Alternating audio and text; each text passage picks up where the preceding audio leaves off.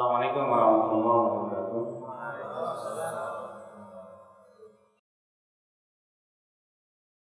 Alhamdulillah Rabbil Alamin Wassalatu wassalamu ala asyrafil anbiya wal mursalin Nabiina Muhammadin wa alihi wa sahbihi wa man tabi'ahu bi ihsanin ila yaumiddin Asyhadu an la ilaha illallah wahdahu la syarika lah وأشهد أن محمدا عبده ورسوله قال الله تعالى في كتابه الكريم يا أيها الذين آمنوا اتقوا الله حق تقاته ولا تموتن إلا وأنتم مسلمون أما بعد Ayo ikhwah Sesungguhnya berbakti kepada orang tua adalah syariat seluruh Nabi dan Rasul Di mana Islam memerintahkan seorang anak untuk berbakti kepada orang tuanya. Karena orang tua adalah merupakan sebab adanya seseorang di muka bumi ini. Oleh karena itulah berbakti kepada orang tua itu setelah beribadah kepada Allah Subhanahu wa taala. Allah Ta'ala berfirman di dalam surat Al-Isra. Ayat 23 dan 24 Wa qadha rabbuka alla illa iyyah wa bil walidaini ihsana. Imma yablughanna 'indaka al-kibara aw aw ahaduhuma aw kilahuma. Fala taqul lahumā uff. Wa la tanharhumā Waqfir lahu ma janaha dhulli min rahmah. Wa qur rabbirhamhuma wa qur rabbirhamhuma kama rabbayani shaghira. Wa qadha rabbuka dan rabbu memerintahkan Allah ta'budu illa iya agar kalian tidak agar ka, agar kalian tidak beribadat kecuali kepada Allah saja Wabil walidaini ihsan dan agar kalian berbuat ihsan kepada kedua orang tua kalian. Imma yablughanna indakal kibar ahaduhuma aw kilahuma. Dan apabila keduanya, yaitu kedua orang tua kita atau salah satunya telah sampai usia yang tua, fala taqul lahumā uff. Jangan kamu ucapkan kepadanya ah Uf, ya. Wala tanharhuma dan jangan kamu bentak mereka. Wa qul lahum qawlan karima dan ucapkan kepada keduanya dengan ucapan yang lemah lembut. Waqfid lahum janaha dhulli minar rahmah dan rendahkanlah sayap-sayap ketawaduan kamu kepada kedua orang tua itu sebagai rahmat dan kasih sayang kepada mereka. Waqur kama rabbayani shaghira dan katakanlah ya Rabb sayangilah kedua orang tuaku. Sebagaimana keduanya menyayangiku sewaktu aku masih kecil. Sebagaimana keduanya mendidik aku sewaktu aku masih kecil. Perhatikan ayat ini akal Islam azan ya Allah Allah Subhanahu wa taala memerintahkan kita untuk berbakti kepada orang tua setelah beribadah kepada Allah Subhanahu wa taala. Allah mengatakan wa qala rabbuka alla ta'budu illa iyyah. Rabbmu memerintahkan kamu agar tidak beribadah kecuali kepada Allah saja. Wa bil walidaini ihsana dan agar berbuat ihsan kepada kedua orang tua kita. Apa makna ihsan kepada orang? Makna ihsan kepada orang tua banyak. Ya makna ta'atuhuma wa idharul hubbi wal ihtiram lahuma itu mentaati kedua orang tua kita memperlihatkan rasa cinta dan penghormatan kepada orang tua kita. Wa musa'adatuhuma bi kulli wasilatin mumkinah bil juhdi wal mal. Dan kita berusaha untuk membantu orang tua kita dengan segala macam cara yang kita mampu baik dengan harta ataupun yang lainnya. Wal hadis ma'ahuma adabin wa takdir. Kita kita berbicara dengan kedua orang tua kita dengan penghormatan, dengan lemah lembut, dengan sopan santun, wal insaf ilaihima indama yatahaddatsan Ketika mereka berdua sedang berbicara, kita berusaha untuk dengarkan mereka, perhatikan mereka baik-baik. Wa adam tabajjur wa dhik minhuma dan jangan merasa bosan untuk senantiasa menemani orang tua kita. Dan jangan merasa hati kita sempit ketika kita berbakti kepada mereka berdua. Itu makna ihsan ya Islam azan ya Allah. Ya. Maka Allah mengatakan wabil walidaini ihsana. Dan kepada kedua orang tua kamu berbuat ihsanlah. Dan apabila mereka berdua telah sampai kepada usia tua renta, maka sikap kita harus lebih dari ini. Maka Allah mengatakan fala taqul Jangan kalian mengucapkan kata-kata apa? Ah atau ingin menunjukkan kepada hal itu. Walatan harhuma, jangan kamu bentak keduanya. Karena apa? Orang tua kalau sudah tua, Pak, sensitif sekali. Orang tua kalau sudah tua itu Pak, ya. Karena orang tua itu ketika sudah tua itu biasanya kembali ke kanak-kanakan. Kembali dia dan sangat sensitif, mudah marah, mudah tersinggung, oleh karena itu Allah Subhanahu wa taala di sini memberikan kepada kita pelajaran. Kalau keduanya yaitu kedua orang tua kita sudah tua, salah satunya atau keduanya, Jangan ucapkan kata ah dan jangan kalian membentak mereka berdua. Dan ucapkan kepada mereka dengan ucapan-ucapan penghormatan yang mulia.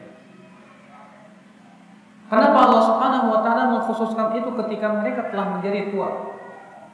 Sudah saya sebutkan tadi. Karena keadaan mereka sangat sensitif sekali, mudah marah, mudah tersinggung. Oleh karena itu akal Islam azan ya Allah wa terkadang ya ujian kita itu ketika menghadapi orang tua kita yang sudah tua itu lebih berat. Orang tua kita rewel, orang tua kita cepat marah, orang tua kita terkadang apa ngeyel, bikin sebel.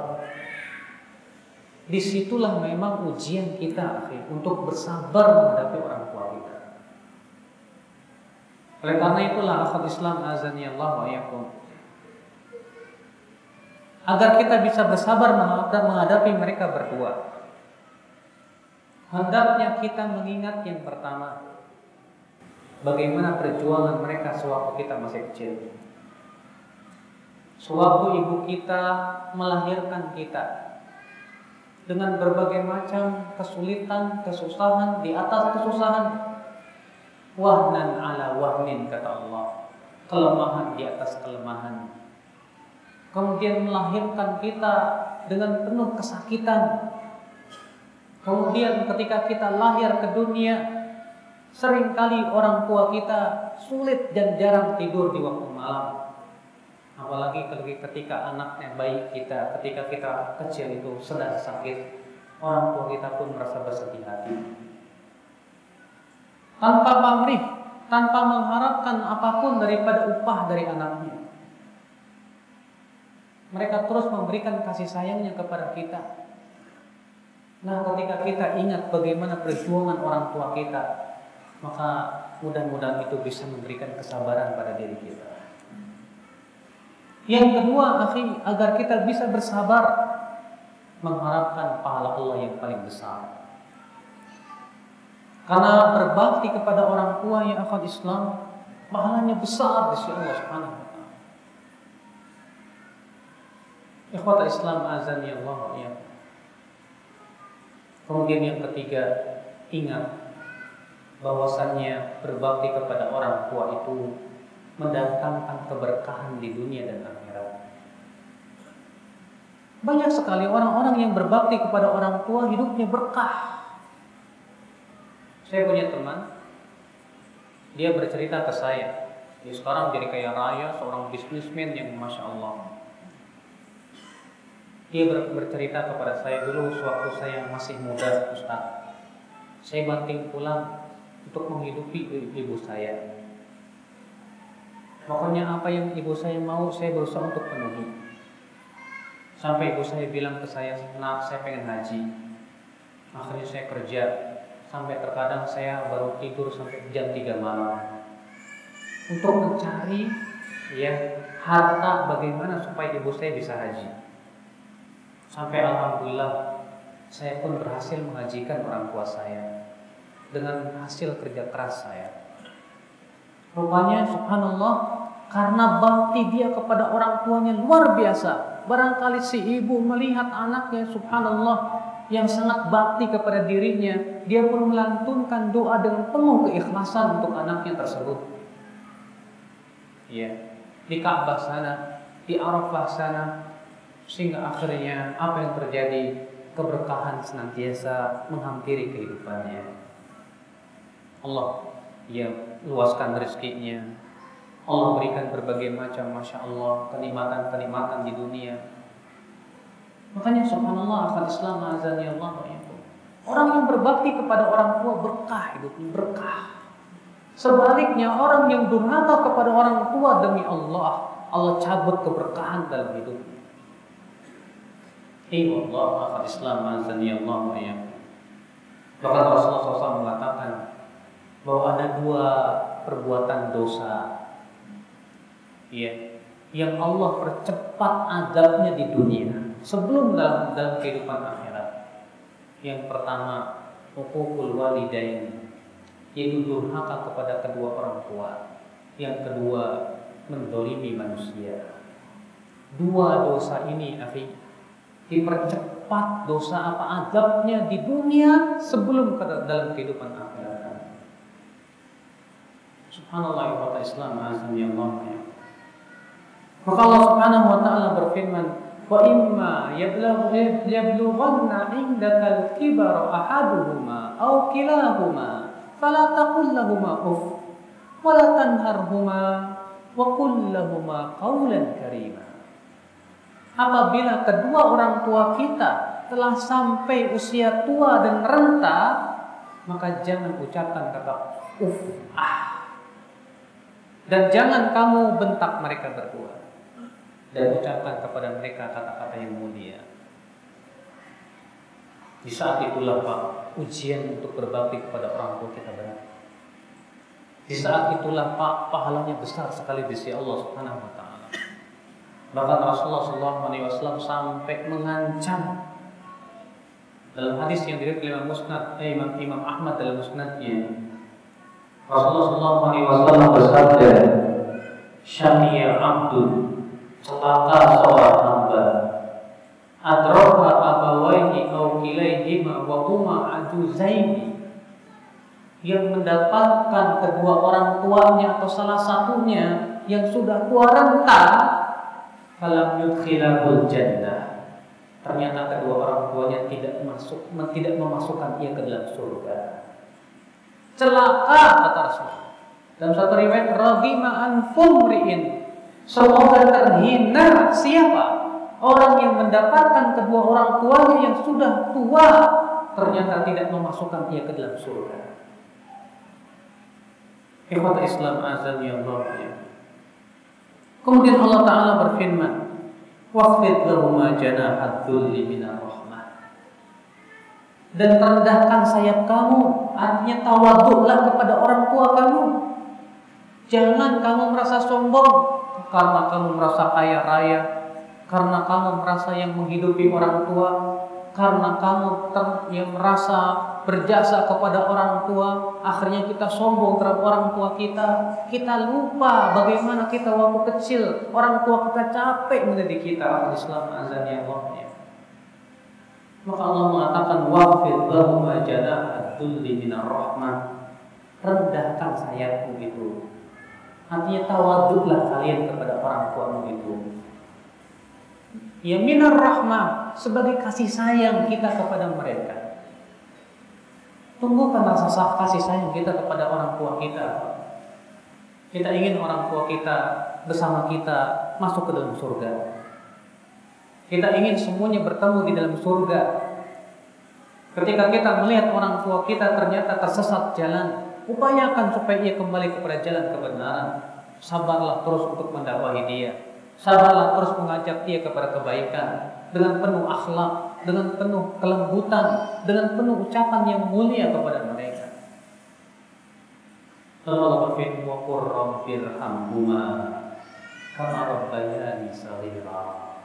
Dan ucapkanlah, wahai Rabb, sayangilah kedua orang tuaku.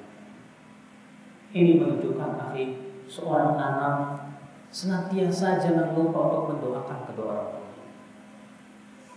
Walaupun selepas matinya, apalagi orang tua yang sudah meninggal dunia, dia sangat butuh doa anaknya. Rasulullah SAW bersabda, "Idza mata ibnu Adam, apabila anak Adam meninggal dunia, in anhu sa'iru amalihi illa min maka akan terputus darinya seluruh amalnya kecuali dari tiga. Apa yang di antaranya? Waladul salihun yad'ula. Anak soleh yang mendoakan. Ya, anak soleh yang mendoakan. Seorang anak yang senantiasa mendoakan orang tuanya. Ada anak yang soleh. Maka dari itu seorang anak berusaha terus mendoakan orang tuanya. Ketika kita sholat tahajud, ketika kita sujud, ketika di waktu-waktu yang diijabah, jangan lupa Pak, ingat orang tua kita. Terkadang orang tua kita sudah meninggal dunia, Allah lupa sudah kepada orang tua kita. Tak pernah lagi kita ingat untuk mendoakan mereka. Ya. Padahal dahulu waktu kita masih kecil, ketika kita pergi untuk menuntut ilmu, orang tua tak pernah lupa melantunkan doanya untuk anaknya agar anaknya berhasil, agar anaknya sukses, agar anaknya dilindungi oleh Allah. Tapi kita setelah tua, setelah besar ternyata sering kali lupa kepada orang tua kita. Apalagi mereka yang sudah meninggal dunia. Maka di sini Allah Subhanahu wa taala memerintahkan kita untuk mendoakan orang tua. Kama rabbayani Dan katakanlah Rabbirhamhuma Ya Rabb Sayangilah kedua orang tua saya Sebagaimana kedua keduanya mendidik saya sewaktu saya masih kecil. Menyayangi saya ketika mereka ketika saya masih kecil. Subhanallah doa yang, yang sangat dibutuhkan kita ingin orang tua kita dirahmati oleh Allah. Itu yang kita inginkan. Akal Islam azan Allah ya? Kemudian Allah Ta'ala juga berfirman di dalam surat ya, Luqman ayat 15 Wa in jahadaka ala an tusyrika bima laysa laka bihi ilmun fala tuti'huma. Wa sahibhuma fid dunya ma'rufa wattabi' sabila man anaba ilayya thumma ilayya marji'ukum fa unabbi'ukum bima kuntum ta'malun dan apabila keduanya yaitu orang tua kamu memaksa kamu untuk mempersekutukan Allah maka jangan kalian mentaati keduanya. Namun bersahabatlah dengan mereka dengan di dunia ini dengan persahabatan yang baik. Dan ikutilah jalannya orang yang senantiasa kembali kepadaku. Kemudian kalian semua akan dikembalikan kepadaku dan aku akan memberitahukan kepada kalian tentang amalan-amalan kalian. Di sini dalam ayat ini akan Islam Allah memberikan kepada kita pimpinan yang lain yaitu bahwasannya ketaatan kita kepada orang tua selama mereka tidak memerintahkan kita kepada maksiat. Tapi kalau orang tua kita memerintahkan kita kepada maksiat, tidak boleh taat. La ta'at. Rasulullah la ta'ata li makhluqin fi maksiatil khaliq. Tidak boleh mentaati makhluk dalam rangka memaksiati Allah Subhanahu wa taala. Tidak boleh. Kalau orang tua kita menyuruh kita untuk berbuat syirik. Nah, ini tolong simpan sesajen di sana. Sedangkan sesajen dalam Islam kesyirikan Bapak sekalian. Itu mempersembahkan ibadah kepada selain Allah. Tolong nak simpan sesajen itu di sana. Boleh kita lakukan? Boleh tidak Pak? Katakan, saya tidak mau ibu. Kamu itu anak yang tidak berbakti sama orang tua. Kita katakan ibu, saya tidak mau karena itu persekutukan Allah Subhanahu wa taala. Silakan ibu perintahkan saya dari perintah-perintah yang lain yang sifatnya tidak maksiat. Tapi kalau saya disuruh untuk ya, membantu kesyirikan, mempersekutukan Allah, saya tidak mau. Saya takut kepada Allah. Saya cinta kepada ibu. Saya cinta kepada bapak. Tapi Allah lebih saya cintai ibu. Saya takut akan adab Allah Subhanahu wa taala. Seharusnya begitu. Makanya Allah Taala berfirman, "Wa in jahadaka ala an tusyrika bima laysa laka bi ilmun, fala tuti'huma." Apabila keduanya memaksa kamu untuk mempersekutukan Allah, maka jangan kamu taati keduanya. Ayat ini turun ya kepada seorang sahabat tentang seorang sahabat yang bernama Sa'ad bin Abi Waqqas di mana Sa'ad bin Abi Waqqas ini masuk Islam beliau. Namun ibunya protes, anaknya masuk Islam. Akhirnya ibunya memaksa anaknya supaya kembali kepada agama nenek moyang. Namun Sa'ad bin Abi Waqqas tidak mau. Akhirnya ibunya berkata, saya tidak akan mau makan, saya tidak mau minum sampai kamu kembali kepada anak agama nenek moyang kita. Sa'ad bin Abi Waqqas tetap tidak mau kembali. Akhirnya si ibunya pun tidak mau makan, tidak mau minum. Tapi saat bin Abi Waqqas tetap menemani ibunya. Tetap dia bersahabat dengan ibunya, mempergauli ibunya dengan pergaulan yang baik. Sampai kemudian saat berkata kepada ibunya, Hai ibu, kalaulah nyawa kamu, nyawa engkau, wahai ibu, melayang satu persatu dan kamu punya seratus nyawa, kamu tidak akan tinggalkan agama ini. Allah turunkan ayat ini. Wa in apabila kedua orang tuamu memaksa kamu untuk mempersekutukan Allah Subhanahu wa taala dengan apa-apa yang Allah tidak pernah turunkan ilmunya padanya, fala tuti'huma maka jangan kalian mentaati kedua orang tua itu. Tapi ingat wasahibhuma fid dunya ma'rufa. Dan bersahabatlah dengan orang tua kamu itu di dunia dengan persahabatan yang baik. Artinya kalaupun orang tua kita non muslim, bukan Islam, ya, tetap kita disuruh untuk berbakti kepada mereka. Tetap kita berusaha untuk berbuat kebaikan kepada mereka tetap kita untuk mempergauli mereka dengan pergaulan yang baik. Fasahibuhuma fid dunya ma'rufa. Kemudian Allah mengatakan, "Wattabi sabila man anaba ilaih." Ikutilah jalan orang-orang yang kembali kepadaku. Siapa mereka? Itu yang senantiasa mereka berbakti kepada orang tuanya. Yang senantiasa mereka bersahabat kepada orang tuanya dan persahabatan yang baik di dunia ini. Dan tidak mentaati kedua orang tuanya dalam kesyirikan ikhwan Islam azan ya Allah ya. Ikhwan Islam azan ya Allah ya. Sesungguhnya berbakti kepada orang tua diperintahkan oleh Rasulullah Shallallahu Alaihi Wasallam dalam hadis-hadis yang banyak. Suka dalam hadis bahwa Rasulullah Shallallahu Alaihi Wasallam kedatangan seorang laki-laki dan berkata, ya Rasulullah, man ahaqqun nas bi husni sahabati. Wahai Rasulullah, siapakah manusia yang paling berhak untuk aku berbuat baik kepadanya? Kata Rasulullah, ummu ibumu. Qala thumma man? Lalu dia berkata, kemudian siapa wahai Rasulullah? Kata Rasulullah, ummu ibumu. Kemudian dia bertanya lagi, thumma man? Kemudian siapa wahai Rasulullah? Maka Rasulullah bersabda, ummu ibumu. Kemudian dia berkata lagi, thumma man? Kemudian siapa lagi hai Rasulullah? Maka Rasulullah bersabda, abuka bapakmu.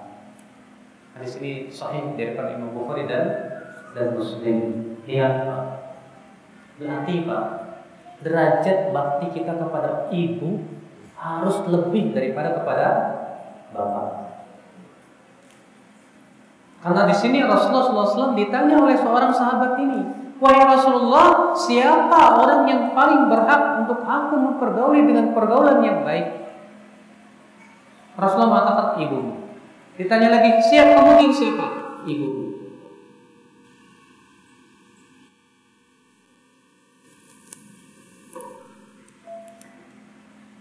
Kemudian ditanya lagi, kemudian siapa? Kata Rasulullah, ibumu sampai tiga kali. Lalu kemudian ditanya lagi, kemudian siapa wahai Rasulullah? Baru mengatakan bapakmu. Lagi pak, bakti kita kepada ibu harus lebih kepada kepada siapa? Kenapa? Insya Allah semua kita sudah tahu. Karena ibu lebih capek daripada bapak. Bapak cuma pergi cari nafkah. Bapak pergi cari nafkah.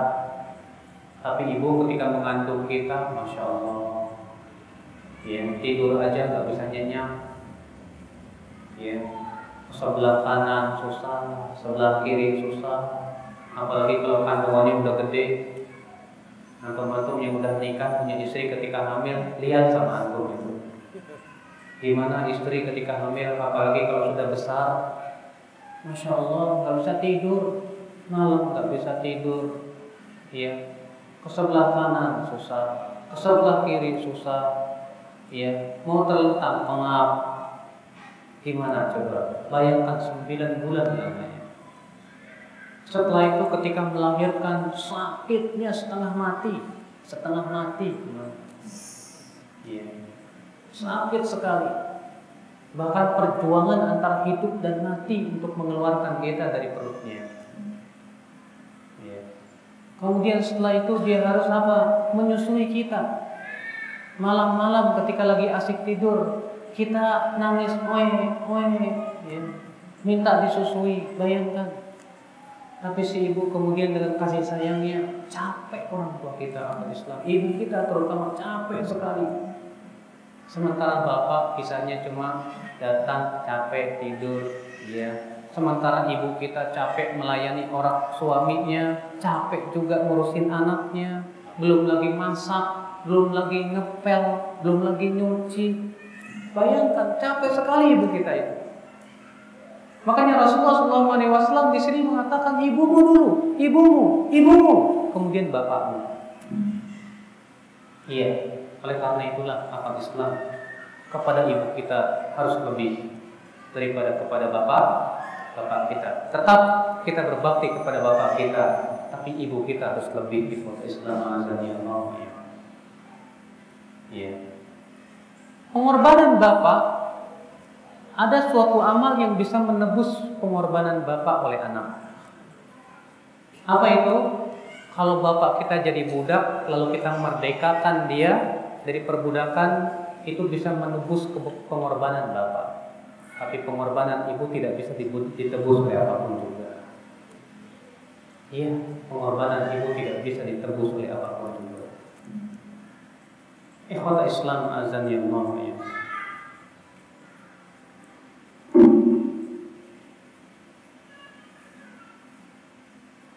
Disebutkan dalam hadis Nabi Shallallahu Alaihi Wasallam bahwa ada seorang laki-laki datang kepada Rasulullah Shallallahu Alaihi Wasallam yubayi'u al jihadi wal qital dia membaiat Rasulullah dan dia menyatakan keinginannya untuk ikut berjihad bersama Rasulullah Sallallahu Alaihi Wasallam. Lalu Rasulullah Sallallahu Alaihi Wasallam bersabda, Ahayul walidah, apakah kedua orang tuamu masih hidup? Kata dia, iya wahai Rasulullah. Maka Rasulullah sabda, irji, pulanglah kami. Fafihi fajahid. Berjihadlah dengan berbakti kepada orang tuamu. Berarti Pak, berbakti kepada orang tua itu termasuk jihad. Ya. Jihad besar pahalanya di sisi Allah Subhanahu wa taala. Dan memang jihad subhanallah. Semakin kita bakti kepada orang tua, semakin kedudukan kita di sisi Allah tinggi sekali. Atau tahu tabiin yang paling baik siapa? Ya, Rasulullah bersabda khairut tabi'in sebaik-baiknya tabi'in Wais al-Qarani. Ternyata di antara amalan beliau yang paling besar apa? Baktinya dia kepada ibunya. Sampai ia pernah menggendong ibunya dari Yaman ke Mekah untuk haji. Iya. Luar biasa baktinya dia kepada ibunya. Makanya sampai Rasulullah mengatakan tabi'in yang paling baik siapa? Wais al-Qarani. Nah, lihat orang ini datang ke Rasulullah. Dia minta izin kepada Rasulullah, ya Rasulullah, izinkan saya mau berjihad ya Rasulullah. Apa ditanya oleh Rasulullah? Kedua orang tua masih hidup? Masih ya Rasulullah. Dalam satu riwayat, mereka bahkan menangis ketika saya mau pergi ke sini ya Rasulullah. Maka Rasulullah bersabda, "Cuci pulang." Afihi mafajahid. Dalam satu riwayat Rasulullah SAW sabda, "Irji ila walidaik wa ahsin suhbatahuma." Pulanglah kamu kepada orang tua kamu dan berbuat baiklah kepada kedua orang tuamu. Sampai-sampai begitu Pak. Orang yang ingin pergi berjihad saja syaratnya harus dengan izin orang orang tua. Orang tua dulu. Karena itu lebih besar pahalanya lebih agung di sisi Allah Subhanahu wa taala. Kalau ternyata jihad yang sifatnya fardu kifayah. Ikhwan Islam azan ya Allah wa Kemudian disebutkan dalam hadis Nabi Shallallahu Alaihi Wasallam yang dikota Imam Ahmad dalam musnadnya. Bahwa ada seorang laki-laki datang kepada Rasulullah dan berkata, Ya Rasulullah, hal baqiya min birri abawayya syai'un abarruhuma bihi ba'da mautihima? Wahai Rasulullah, apakah masih tercisa bagi saya, masih ada kesempatan untuk saya untuk berbakti kepada orang tua saya sementara orang tua saya sudah meninggal dunia? Kedua-duanya sudah meninggal dunia.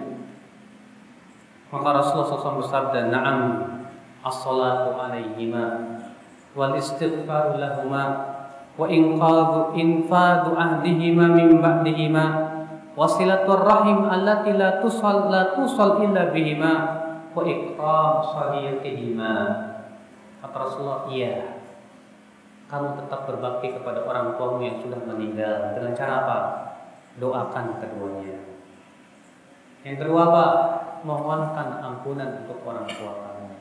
Kalau orang tua kita meninggal dalam keadaan is Islam. Tapi kalau orang tua kita meninggal dalam keadaan tidak Islam tidak boleh kita memohonkan ampunan buat orang tua kita.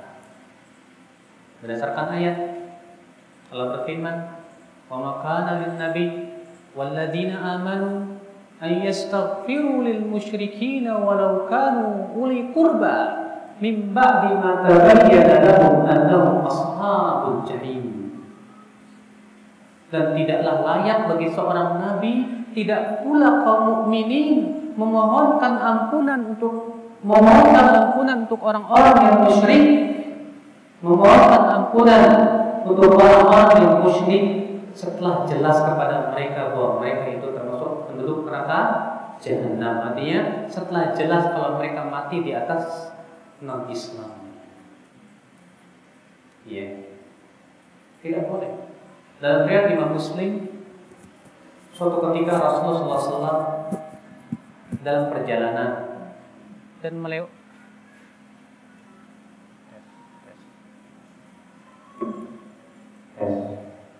Dalam riwayat Muslim Rasulullah SAW suatu ketika melewati dalam sebuah perjalanan melewati kuburan ibunya. Kemudian Rasulullah minta izin kepada Allah, ya Allah izinkan aku untuk berziarah kepada ibuku. Allah pun mengizinkan. Kemudian Rasul minta izin untuk memohonkan ampunan untuk ibunya.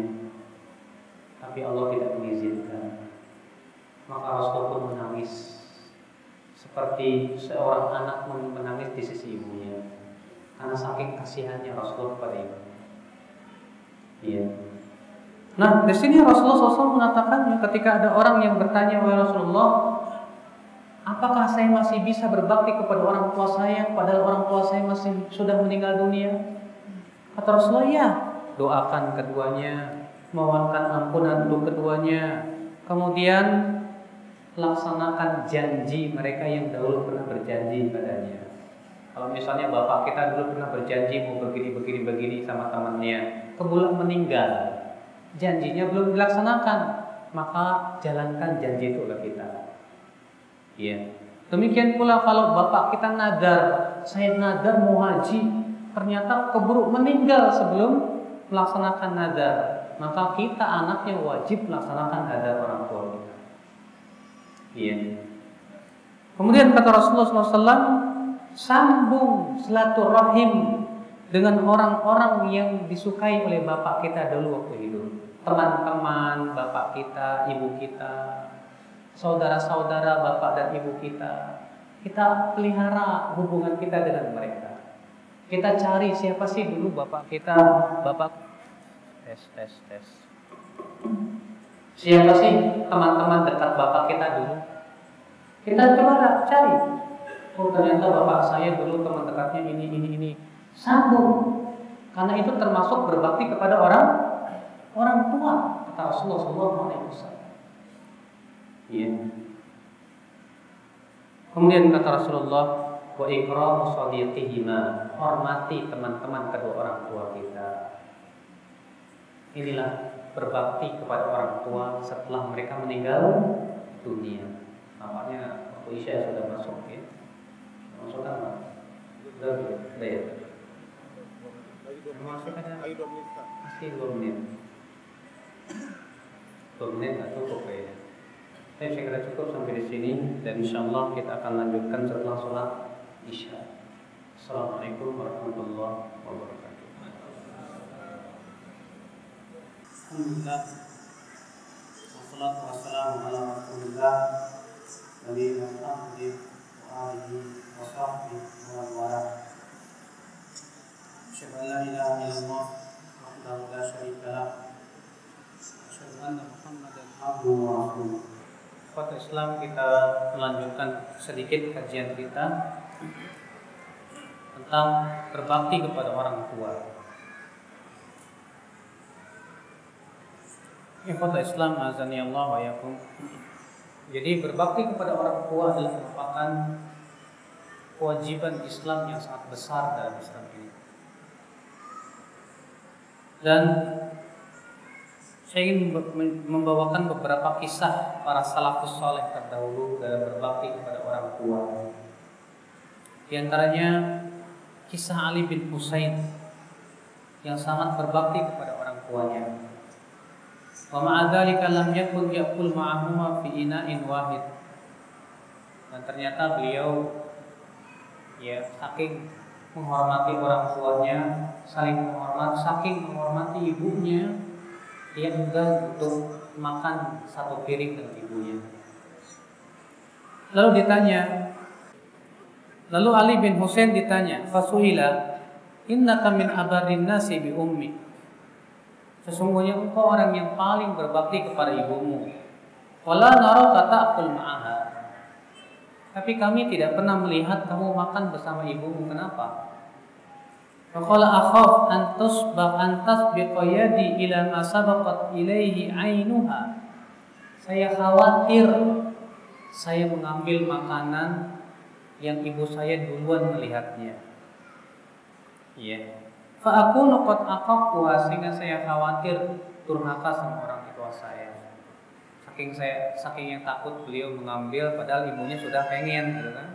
Lalu diambil anaknya sehingga akhirnya dia takut untuk menyakiti hati ibunya gara-gara itu Islam azan ya Allah ya Di zaman dahulu disebutkan bahwa ada seorang anak suatu malam ia datang dan ia biasa untuk memberikan minum kepada ibunya.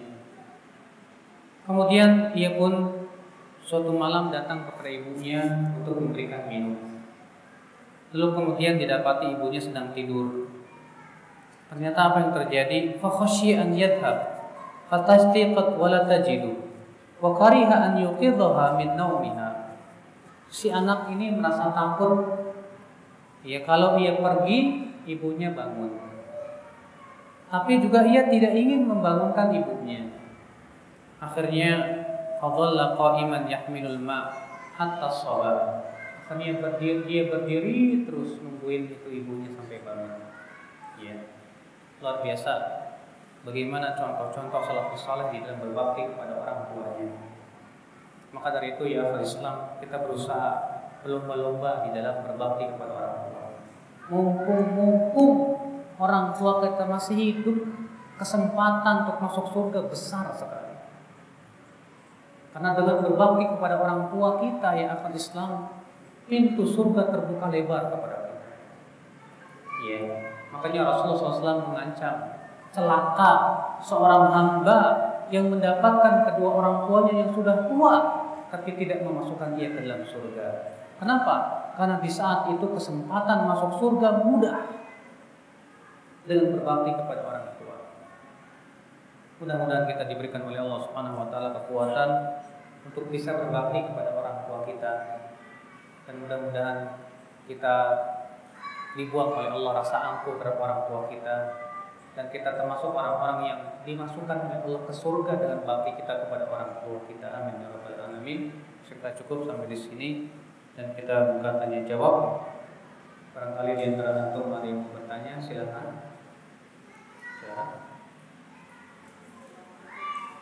Dan pertanyaan sebut seputar uh, kajian kita ya bukan di luar itu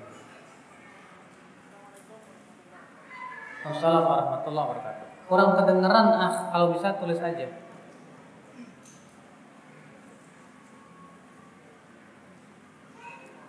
Ustadz mau tanya, doa anak soleh yang bagaimana? Apa doa dengan yang telah dilakukan oleh kebanyakan orang dengan mengundang banyak orang dan doa bersama? Oke, kita mendoakan orang tua itu nggak perlu mengundang-undang orang. Dalam setiap kesempatan kita doakan orang tua kita ketika sedang sujud. Antum tahu tidak? Sedekat-dekatnya hamba kepada Allah ketika dia sujud. Kata Rasulullah aqrabu ma yakunul 'abdu min rabbih wa sajid. Sedekat-dekatnya seorang hamba kepada Rabbnya ketika dia sedang sujud. Maka dari itu di saat sujud kita bersungguh-sungguh berdoa kepada Allah. Sebagaimana Rasulullah SAW bersabda, "Fa'ammas sujud fajtahidu fihi du'a Adapun sujud bersungguh-sungguhlah kalian untuk berdoa kepada Allah pada waktu itu. Maka sangat dekat untuk dijabah doa kalian itu. Maka dari itu ya, ketika kita sholat tahajud, jangan lupa doakan orang tua kita. Ya. Dalam kesempatan-kesempatan, dalam waktu-waktu yang dijabah oleh Allah Subhanahu wa taala, upayakan kita doakan orang tua kita. Apabila orang tua sudah meninggal, pernah tidak melaksanakan sholat, apa boleh anak menggantikannya? Tidak bisa digantikan kalau seperti itu. Kalau dia memang tidak sholatnya sengaja. Kalau misalnya orang tua saya dulu nggak sholat karena dia sakit atau apa, tetap tidak bisa digantikan. Tidak bisa dikodok oleh anaknya. Maka kita mohonkan ampunan buat orang tua kita. Iya. Adapun puasa ada hadisnya. Man mata wa alaihi saum soma'an walihu. Siapa yang meninggal dunia dalam keadaan dia punya kewajiban puasa, maka yang mempuasakan adalah walinya. Iya.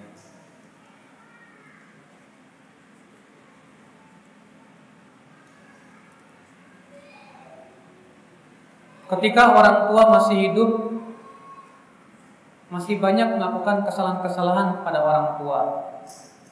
Adakah cara yang bisa Anda lakukan untuk membalas kebaikan dan anak terlepas dari dosa-dosa kepada orang tua? Iya. Kenapa tidak? Ketika kita waktu orang tua kita masih hidup kita banyak salah sama orang tua. Setelah mereka meninggal dunia baru kita sadar. Baru kita tahu atau baru kita teringat akan kebaikan-kebaikan mereka. Maka di saat ini sebagaimana Rasulullah SAW sudah sampaikan kepada kita tadi. Ya ketika ada seorang sahabat berkata, "Wahai Rasulullah, apakah saya masih bisa berbakti kepada orang tua saya padahal orang tua saya sudah meninggal dunia?" Apa kata Rasulullah? Itu dengan besar untuk mendoakan orang tua ini yang pertama. Yang kedua, yaitu kita berusaha untuk melaksanakan janji mereka. Yang ketiga, kita berusaha untuk berbuat baik kepada teman-teman orang tua kita. Iya. Itu bisa kita lakukan. Bapak misalnya punya uang, alhamdulillah. Bapak wakaf buat orang tua supaya amalannya yang ngalir terus kepada orang tua kita. Besar pahalanya. Bapak belikan mushaf, ah, saya mau belikan mushaf. Saya wakafkan di mushaf di masjid dan pahalanya buat orang tua saya sehingga akhirnya pahalanya terus mengalir kepada bapak kita kebaikan alhamdulillah ya kita upayakan semaksimal mungkin apa Islam azannya Allah ya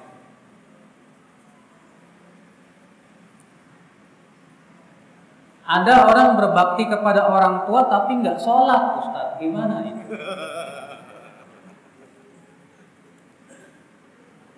Iya Pak, orang yang tidak sholat ini terjadi perselisihan para ulama dia ini muslim apa bukan? Kalau dia meninggalkan sholat karena malas, tapi kalau dia meninggalkan sholat karena mengingkari kewajiban sholat, maka kesepakatan seluruh ulama dia bukan Islam, dia bukan muslim. Tapi dia nggak sholat karena malas gimana nih? Imam Ahmad mengatakan dia bukan muslim. Imam Syafi'i, Imam Abu Hanifah, Imam Malik mengatakan dia masih muslim tapi pelaku dosa besar. Ya. Ikhwata Islam azan ya Allah ya. Saya mau tanya sama aku. Lebih besar mana kedua dari dua kewajiban ini? Sholat atau berbakti orang tua? Sholat. Karena sholat itu kewajibannya sangat berat.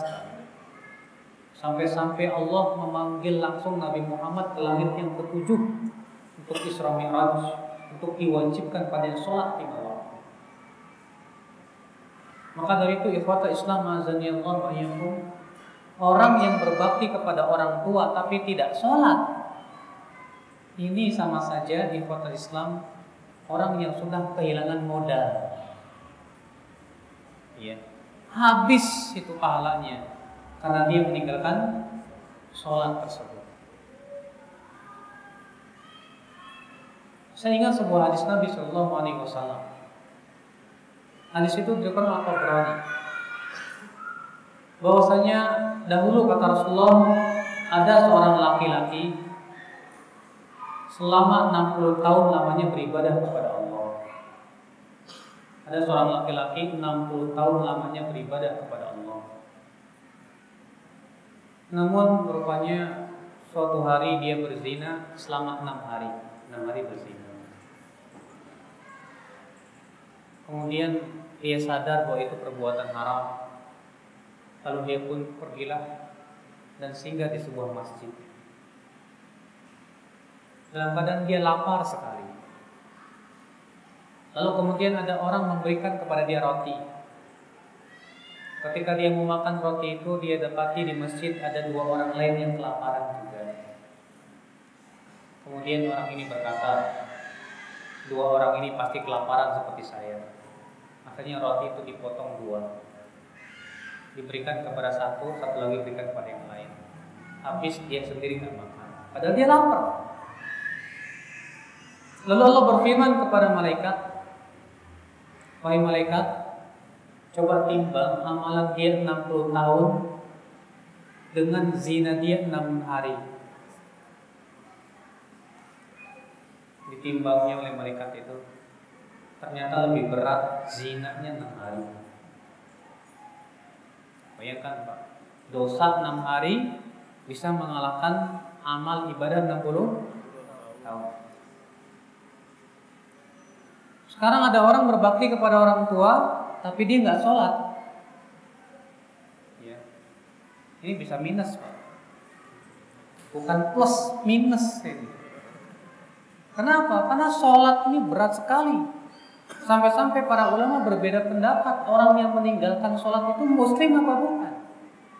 Kalau orang yang apa namanya durhaka kepada orang tua, semua ulama mengatakan dia muslim. Tapi dia durhaka.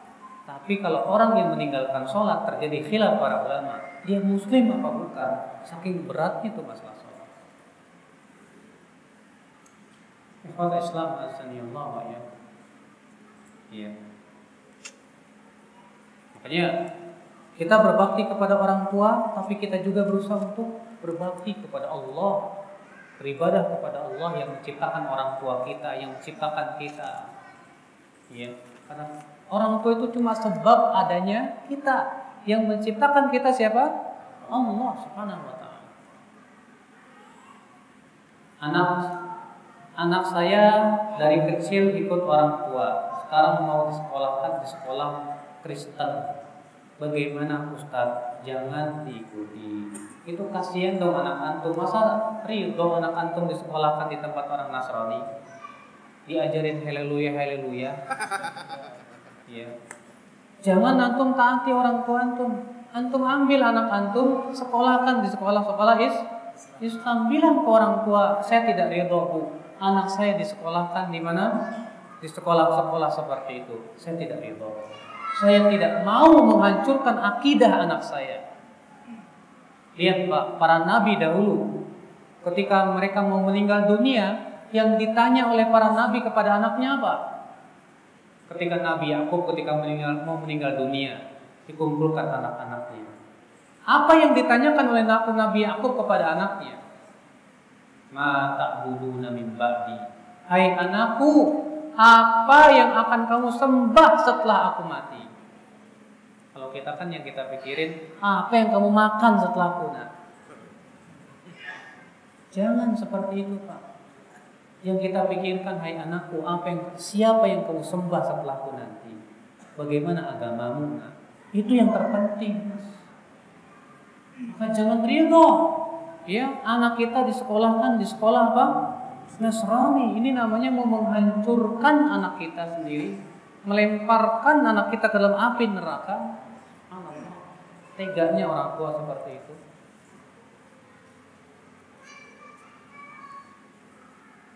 Mohon dijelaskan apakah berbakti kepada orang tua termasuk kepada mertua? Ya jelas kepada orang tua lebih dong Pak daripada ke mertua. Kesalahan besar sama mertua baik banget sama orang tua acuh tak acuh. Ini gak benar. Kata para ulama, seorang suami harus lebih berat kepada orang tuanya daripada kepada istrinya. Sedangkan istri harus lebih berat kepada suaminya daripada kepada orang tuanya. Itu yang ditunjukkan oleh dalil-dalil dan nas. Ya. Di antaranya hadis yang dikatakan Muslim bahwa kata Rasulullah dahulu ada tiga orang yang berjalan lalu malam pun tiba Lalu mereka pun masuk ke gua untuk tidur di gua itu. Tiba-tiba ada batu besar turun dan jatuh menutup pintu gua sehingga mereka tidak bisa keluar dari gua. Lalu yang pertama berkata, kita tidak bisa keluar dari gua ini kecuali dengan bertawasul melalui amalan soleh kita.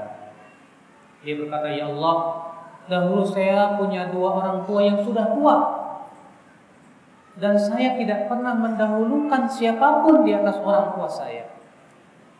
Suatu malam saya terlambat, lalu kemudian saya dapati orang tua saya sudah tidur. Lalu saya peras susu untuk orang tua saya. Saya dapati mereka sudah tidur. Saya tunggu terus orang tua saya sampai pagi, sementara anak-anak dan istri saya kelaparan. Saya tidak mau mendahulukan siapa pun dari kedua orang tua saya. Pagi harinya dia bangun, saya berikan kepada dianya, kepada keduanya susu. Baru setelah itu saya kasih makan anak dan istri saya. Ya Allah, kalau memang dahulu saya lakukan itu ikhlas mengharapkan wajahmu ya Allah, tolong keluarkan kami dari ini. Terbuka sedikit. Lihat, dia lebih mendahulukan orang tuanya daripada anak istrinya. Memang demikian harusnya seorang suami. Beda dengan istri. Istri itu harus lebih membela apa condong kepada suaminya daripada kepada kedua kepada kedua orang tuanya. Sampai-sampai Rasulullah bersabda, "Kalaulah aku memerintahkan seseorang untuk sujud kepada orang lain, aku akan perintahkan istri sujud kepada suaminya, bukan sujud kepada orang orang tua tapi sujud kepada suaminya." Ada seorang wanita datang ke Rasulullah, seorang ayah datang ke Rasulullah, "Ya Rasulullah, saya punya anak wanita mau nikah ya Rasulullah." Kemudian Rasulullah memanggil wanita itu. Kenapa kamu nggak mau nikah? Kata wanita ini, Hei Rasulullah, tolong kabarkan dulu kepada saya, apa hak suami yang harus dilakukan oleh istrinya? Kata Rasulullah, hak suami. Kalau suami badannya penuh dengan borok dan keluar nanah, lalu dijilatin sama istrinya itu nanah-nanahnya, dia belum melaksanakan hak suaminya. Akhirnya si wanita ini berkata kalau begitu saya tidak mau menikah sama Di sini saya dari Abu Dawud dalam sunannya. Dia saking besarnya hak suami terhadap istri. Ya. Makanya terkadang ada suami mau ngasih sama orang tua aja harus izin dulu sama istri. Laporan istriku ya perlu sebetulnya. Walaupun memang sebagai rasa apa perbuatan baik kepada istri saya mau ngasih. Kalau istri nggak ngizinin nggak peduli. Ngasih kepada orang tua. Ya tapi tetap kita baik kepada mertua pun tetap ya kita diperintahkan.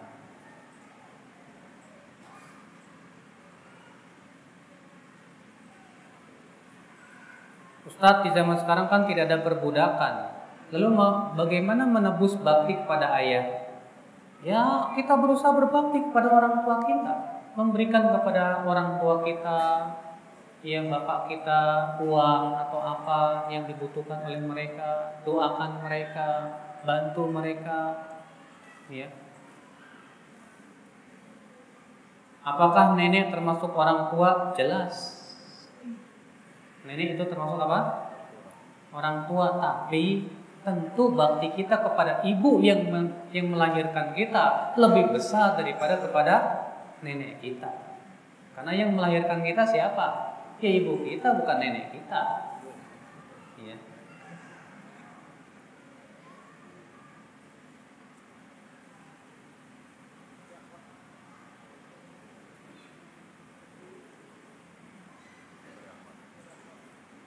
Bagaimana kalau jarak kita dengan orang tua jauh? Bagaimana berbaktinya? Sekarang ini Pak, Alhamdulillah Pak, ada telepon. Setidaknya Pak, setiap hari Bapak telepon lah. Ya. Assalamualaikum, salam Ibu, bagaimana kabarnya? Orang tua itu Pak, ya, kalau anaknya telepon tuh gembiranya minta, walaupun dia tidak memperlihatkan kegembiraan itu kepada anaknya. Ya. Dahulu Abu Hurairah selalu menyapa ibunya setiap pagi dan sore. Di waktu pagi datang mengetuk pintu ibunya. Assalamualaikum ya ummah. Waalaikumsalam warahmatullah. Apa yang dibutuhkan hari ini hai ibu? Sorenya begitu juga. Assalamualaikum hai ibu. Nah sekarang ibu saya jauh, ada telepon. Antum beliin ya HP buat ibu antum. Setiap pagi dan sore antum telepon ibu, assalamualaikum ibu, bagaimana kabarnya? Ya, ada sesuatu yang bisa saya bantu? Itu subhanallah menyenangkan hati orang tua Islam azan yang Dosakah seorang anak yang menasihati orang tua untuk sholat yang dosa orang tuanya? Cuma pak, nasihatin orang tua itu jangan menengking, jangan keras ya. Ucapkan kata-kata yang mulia. Ibu bapak sholat itu tiang agama sampaikan dengan ucapan lemah lembut. Ya. Agar mereka mau ingat atau takut. Ya. Dan jangan bosan menasihati orang tua. Saya sudah mau nasihatin berapa kali? Baru sekali sih. Berapa kali? Dua kali tiga kali kalau bisa sampai seratus kali lebih barangkali hidayah masuk ke mereka setelah berkali-kali bahkan setelah berpuluh-puluh kali. Kita tidak tahu. Butuh kesabaran. Sayang mereka pak. Kita ingin mereka masuk ke dalam sur surga. Ya kenapa banyak di diajarkan birrul walidain ustadz tapi birrul walad nggak ada berbakti kepada orang tua, tapi berbakti kepada anak. Emangnya orang tua disuruh berbakti sama anak apa? Anak yang harus berbakti kepada orang tua. Naam orang tua, Bapak sekalian, berbuat baik kepada anak itu pun diperintahkan oleh Allah Subhanahu wa taala. Allah berfirman, "La tudarru walidatun biwaladiha wala mauludun lahu biwaladi." Tidak boleh seorang ibu memberikan mudarat kepada anaknya. Demikian pula bapaknya. Tidak boleh. Karena anak memang amanah orang tua. Kewajiban dia untuk menyayanginya. Kewajiban dia untuk memberikan nafkah kepadanya. Kewajiban dia untuk mendidiknya. Nah, itu amanah. Harus dilaksanakan oleh orang tuanya. Makanya kata Rasulullah, "Man la yarham la yurham." Waktu itu Rasulullah mencium Hasan dan Husain. Kemudian ada seorang Arab Badui berkata, Ya Rasulullah, saya punya anak sepuluh, satu pun gak pernah ada yang saya cium. Kata Rasulullah, Malla yarham la yurham. Siapa yang tidak sayang, kelak dia tidak akan disayang sama anak. Nantinya kalau kita nggak sayang sama anak, setelah anak besar, anak tidak akan sayang kepada kita. Salah siapa? Ya salah kamu ya tidak menyayangi menyayangi anak waktu dia kecil akhirnya setelah besarnya dia tidak sayang sama orang tua tapi tetap Islam memerintahkan anak berbakti kepada orang tua ya walaupun bagaimana keadaannya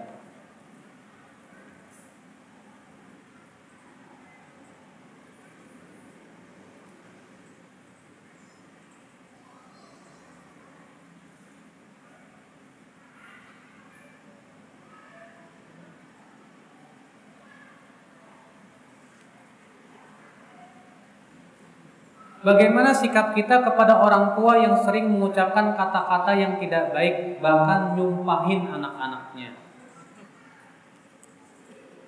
Bapak, sikap kita tetap sabar, Pak. Ini ujian berat.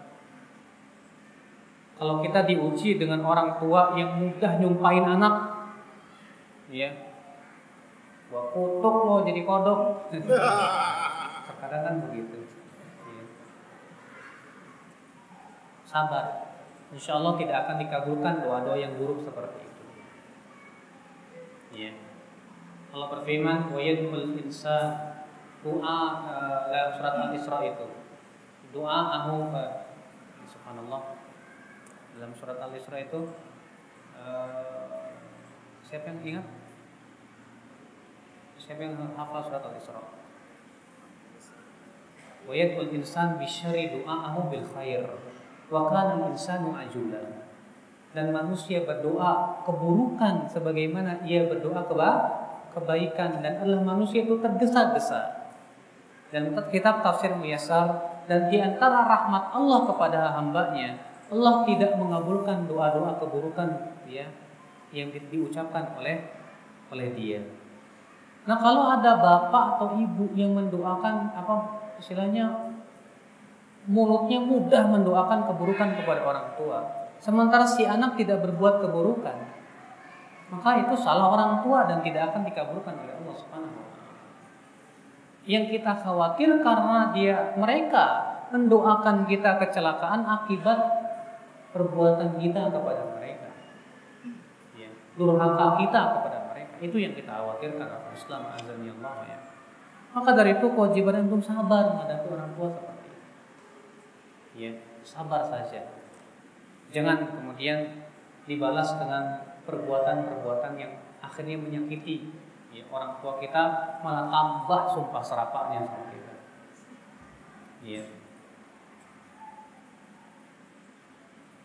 Apa ada doa khusus Ustadz? Saya mau mindahin anak saya dari sekolah umum ke madrasah, tapi anaknya nggak mau. Pak, seharusnya Pak, kalau Bapak seperti itu, Bapak itu kayak tukang sabun. Bagaimana caranya menawarkan sabun biar laku, laris. Demikian pula, seharusnya Bapak mendidik si anak dan menanamkan cinta sekolah agama. Itu dari dini gambarkan sekolah itu bagus begini begini begini. Kayak antum ya sales mau jualan sesuatu supaya dia mau bagaimana caranya beli. Dan itu harus tiap hari. Tiap hari kita dengungkan ke anak kita sekolah madrasah itu bagus sekolah madrasah itu bagus. Tiap hari sehingga dia punya keyakinan ternyata sekolah madrasah itu bagus. Baru dia mau tapi antum sendiri nggak pernah peduli. Antum tidak pernah memberikan gambaran yang baik.